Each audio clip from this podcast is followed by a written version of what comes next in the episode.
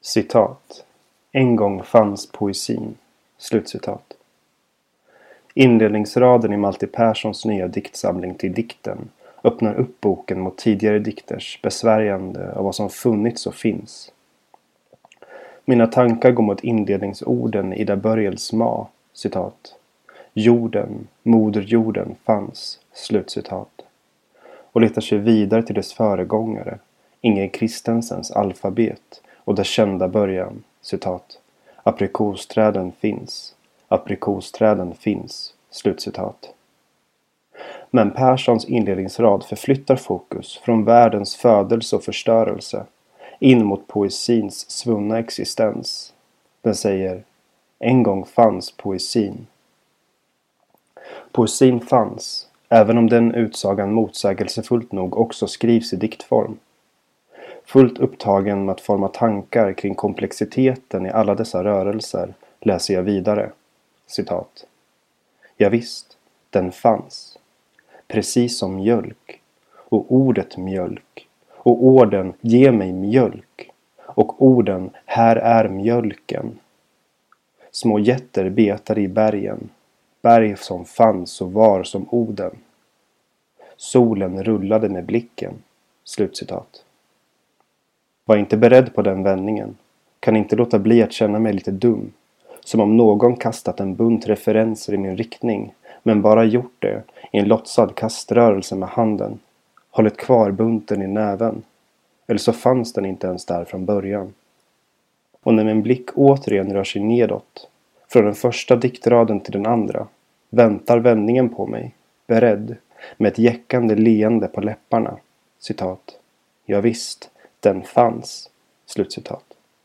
Men dikten tar i sin tur ingen notis om min miss utan fortsätter sin fartfyllda färd genom poesins landskap. Och i takt med att dikternas hån riktas bort från mig och utåt mot omvärldens poeter och poesier släpper jag min frustration över hur den första raden lurpassade på mig. Snart delar också jag skadeglädjens kärleksförklaringar, skrattar tillsammans med dikten åt dikten. Till dikten antar formen av en traditionell diktsamling där var dikt har sin egen titel och sitt avgränsade utrymme. Dikterna behandlar i sin tur olika sidor av poesin och skildrar dessa genom en skiftande repertoar av stil och formgrepp. Med andra ord utför Persson små exkursioner i poetiska fältet där hans dikter sprider ut sig och undersöker vissa områden.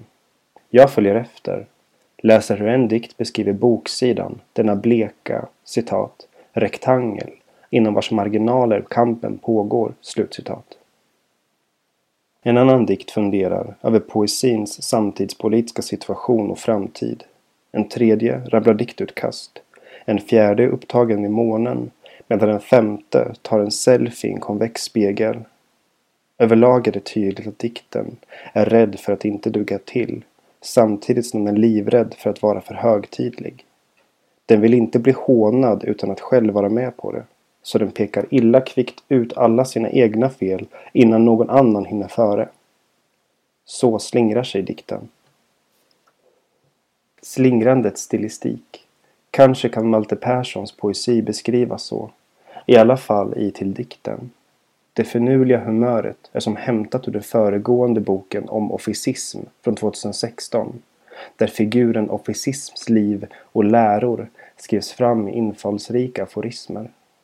Och på samma sätt som den boken var en fyndig satir över filosofi och litteraturhistorien tar sig den nya diktsamlingen an sitt ämne med en mix av ironi och aktning i till dikten är det emellertid Perssons diktjag som håller pennan och försöker att reda sig, citat, ett litet bo i utkanten av det postmoderna tillståndet, slutcitat. En kan jämföra Perssons diktsamling med hur västvärldens klassiska texter i poetik, som Aristoteles om diktkonsten, upprättar normativa regelverk för hur dikt bör skrivas om poetens uppgift då var att mimetiskt efterlikna världen skriver Persson dikt om dikt där språkets beskrivande och performativa nivåer får drabbas samman. Till dikten är alltså ingen handbok i skrivande utan en samling språkliga handlingar. En dikt om dikt där undersökandet och utvecklandet av en personlig poetik prövar sig fram. Diktsamlingens mer traditionella form fångar dock min uppmärksamhet. Boken är uppdelad i titeldikter som gör disparata nedslag i poesins olika områden, men utan att mer komplexa relationer upprättas dikterna emellan. Som ofta i diktsamlingar hånglar den första dikten, fanns poesin, och den sista dikten, och ändå poesin, i varandra och ramar in nedslagen som kommer däremellan. Jag ställer mig först skeptisk till diktsamlingens struktur i förhållande till det metapoetiska konceptet, men minns sedan inledningsraden, citat. En gång fanns poesin. Slutcitat. Ordet poesin skrivs i bestämd form singularis. Det är alltså inte frågan om någon ontologi utan en sorts språkglad elegi. Poesin, tänkt som en enad storhet med fasta värdehierarkier och regelverk har sedan länge gått förlorad. Den förlusten kan nog anses bearbetad. Så kanske är det snarare en förlust av poesins ontologiska grund som behandlas. Och från sitt bo i utkanten av det postmoderna tillståndet försöker poeten närma sig poesin genom en repertoar av varierande gester. Dikterna förankras i vår senkapitalistiska tid, men vi står lite bredvid, som för att sörja och smäda.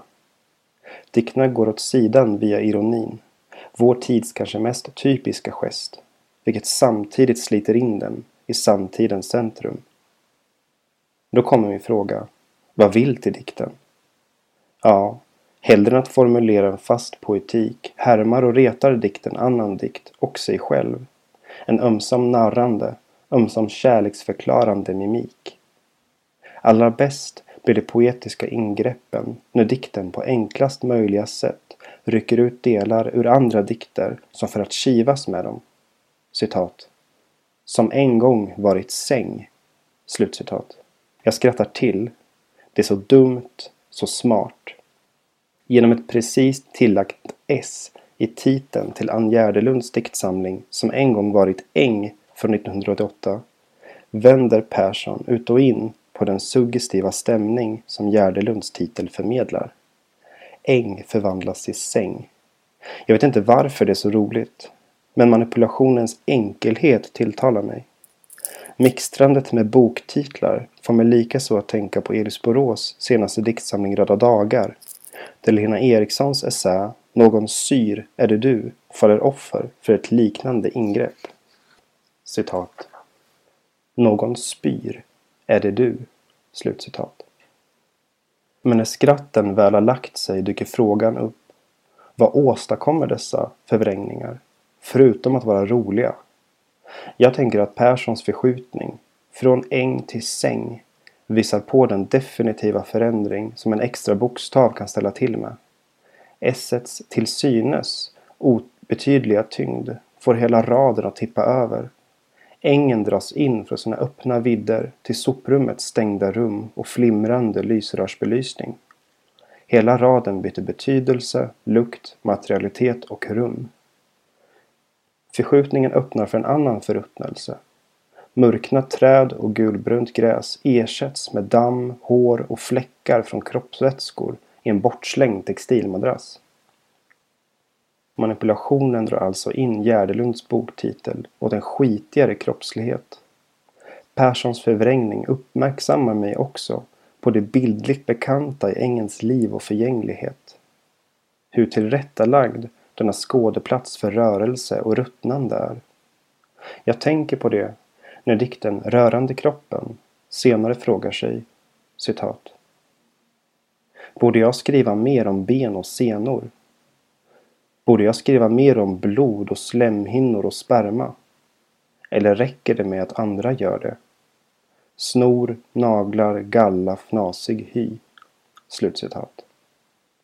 Kanske går det att vrida på den näst sista frågan om det räcker med att andra gör det. Persson skriver som bäst om kroppen när dikterna muterar andra textkroppar. När dikten skrivs genom andras poesi. Eller i passager där skriv och läsakten får ha med kroppen att göra. Citat. Måste jag gå ut i solen? Jag vill stanna inomhus i boken. Inte tjuvröka och starta skogsbränder som andra barn. Jag lär mig mycket av det jag läser, skuggorna, av de svarta fläckarna på sidan. Solen måste komma inifrån. Som att kissa på sig. Fast bra. Slutcitat. Jag fastnar vid de två sista raderna. Det finns något kaxigt men pinsamt där. Kanske en antydan till ensamhet. Men jag kan samtidigt inte låta bli att tänka på hur ett maskulint skrivande om kroppen gärna tar skydd i framhävandet av dess mer motbjudande funktioner och avfall. Naglar, spyor, kiss, snor, sperma och blod. Att börja där, i restprodukterna, skapar en trygg distans som Persson frammanar med ironi och sarkasm. Även om distansen inte utesluter sårbarhet så är jag ärligt talat lite trött på den tendensen. Särskilt med tanke på att till dikten tematiserar skrivandet om skrivandet där kroppen, vare sig en vill eller inte, har en bärande roll. Angående ironin arbetar dikterna med en pendelrörelse där humor och oro tillåts byta plats i radernas övergångar och motsägelser. När dikten invänder mot sig själv, citat, nej, vad vet jag om det? Slutcitat. Inträffar ett fokusskifte. Dikten går vidare till nästa grej, men vrider och vänder gärna på ett ord i några led medan övergången sker. I dessa övergångar infinner sig en språklig rörlighet som håller mig uppmärksam på varje liten betydelseförskjutning. Dikten drar in mig nära orden. Men det finns också moment när dikten halkar till och förlorar sitt fotfäste. För när skrattspegeln väl hålls upp mot poesiformer som dikten inte riktigt behärskar riskerar bilden att återspeglas konturskarpt. Som här i dikten Konceptdikt. Citat.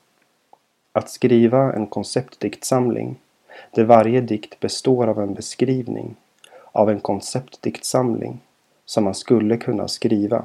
Slutcitat. Inte bara skratt smittar, även gäspningar. Medvetet eller inte. Leken med metalager på metalager är förutsägbar och enformig. Jag växlar helt enkelt mellan att skratta och gäspa, ty till dikten är ojämn. Det gäller framförallt bokens andra halva, där en del dikter med fördel kunde ha gallrats ut. Jag tänker särskilt på de kortare dikterna, för när den dialogiska spänsten, som utmärker många av de längre dikterna, uteblir kvarstår ett sorts poetiska snapshots som inte håller för fler än en genomläsning. Men trots ojämnheten, eller kanske tack vare den, upplever jag att poesins alla fyndigheter och ordlekar ibland bäddar in subtila oroligheter som strömmar genom dikten. Skratten kastar tillbaka oroliga ekon. I centrallyriska dikter, som Västerbro, senare, uttrycks förvisso oro och olycka på tydliga sätt. Emotionerna etableras i diktsamlingen, vilket gör att jag i andra passager likaså börjar lyssna och leta efter dem. För om den humoristiska tonen till en början tog överhand söker sig en annan stämma fram, som för att berätta något, men utan klar anledning. Som när diktjaget säger att det var citat Vid denna tid som jag stal skolans post och grävde ner den i en grop. Inte alla skulle komma på en sådan idé, inte sant? Jag skulle inte komma på den nu om det inte var ett faktum att jag gjort det då. Faktum är något av det värsta som finns. Något skört ligger och skaver här i barndomens hämndlystna handlande. I vad det innebär att glömma bort motiven bakom en handling och bara minnas händelsen. När fantasin som backade upp handlingen inte längre finns där blir det hela otänkbart. Bara det faktum att händelsen inträffar gör handlingen tänkbar. Det är fint. Sorgligt. Sin vana trogen kryper dikten dock i sista raden tillbaka in i ett ironiskt röstläge. Citat. Faktum är något av det värsta som finns. Slutcitat. Att den raden både vill beskriva och vara ett faktum och jag tycker mig ana hur samspelet mellan ironi och sårbarhet mellan att säga något för att i nästa stund försöka dra till undan det gör att diktjaget till oss kontrollerar situationen. Utsagan tas tillbaka, men den har ändå sagts. Men utöver det elegiska draget vill jag likaså läsa till dikten som en metapoetisk komedi. I tragedier behöver allvar och värdighet bevaras.